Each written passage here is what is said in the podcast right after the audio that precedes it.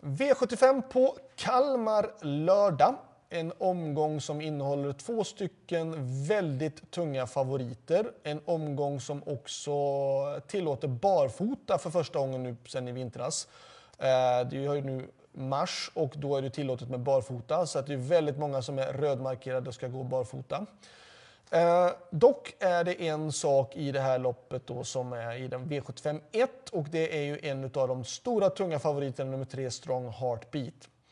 Eh, de flesta andra i loppet har markerat barfota. Strong Heartbeat ska gå med skor och det kanske är bra det med tanke på att han har varit väldigt osäker och har då fungerat nu med skor senast. Han vann ju då med Örjan Kihlström ett av de här V75-mästarloppen eh, för några veckor sedan på Åby. Uh, Strong Heartbeat är ute på rätt distans, 2640 meter. Han har för honom då ett okej okay spår tror jag med spår 3 för att gå felfritt. Jag tycker det här loppet är, om man inte ska spika Strong Heartbeat, ja då tror jag att det här kommer bli ett väldigt dyrt lopp. Den som är, man bör ta med om man vill gardera i alla fall så är det klart nummer 4 Anchorman som vi har trott många gånger på men som inte har fått till det. Uh, i övrigt så tycker jag loppet är superöppet. Så att det är ju så att ingen av de här hästarna slår en felfri 3 strong heartbeat. Och ska man gardera så blir det då väldigt dyrt. Så att jag går på spik på 3 strong heartbeat. Dels för att jag tycker att spåret är bra, kusken känner hästen, distansen är den rätta och han funkade senast med skor. Det som oroar då såklart det är ju det att han har varit osäker och många andra går barfota. V75 2 Ehm, det här loppet är 1600 meter och bil.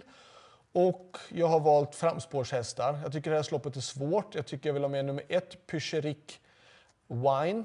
Jag vill ha med nummer tre, Highline Pellini. Jag vill ha med nummer fyra, Mama Needs His Money. Jag vill ha med nummer fem, Inspiration och nummer sju, Denarius. Så att ett, tre, fyra, fem och sju i avdelning två.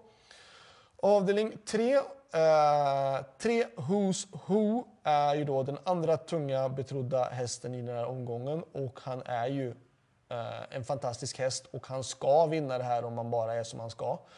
Det som kan möjligtvis vara då att han inte har startat på ett tag men han är aviserad barfota direkt, han har ett perfekt utgångsläge. Han är en mycket bättre häst än de andra uh, och ska vara en bättre häst än de andra också. Så att för mig känns det samma sak här som i V751. Det känns dyrt att gardera. Visserligen är det bara åtta hästar med i V75 3, men vem ska man ta med och vem ska man inte ta med i sådana fall i avdelning 3? Så det får bli spik på nummer 2, Who's Who. V75 4, eh, ett storlopp och eh, jag tror att det här loppet står mellan de som står på start. Eh, 1. I'm all in. 3. Cigars Eagle Owl. 4. Dior Lilly och 5. La Ferrari Dimanche.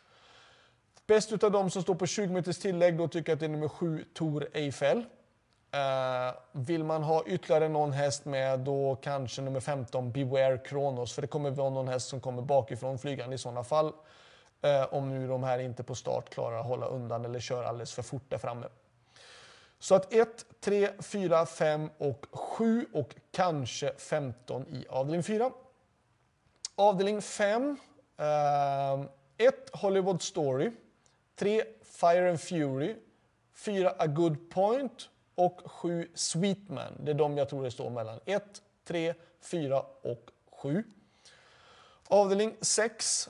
Um, ehm, det här är ju också ett diamantsto och det är, eh, lopp och eh, det kommer stå mellan någon av dem på start eller någon av dem på 40 tillägg tror jag. Så jag har valt 1 Dream of Money DE, 5 Donna och sen från 40 meters tillägg 12 Devs Daffodil och 14 Activated. Men jag ska erkänna att jag känner mig lite, lite naken i det här loppet på något sätt ändå. Ehm, det är de mest betrodda hästarna på förhand.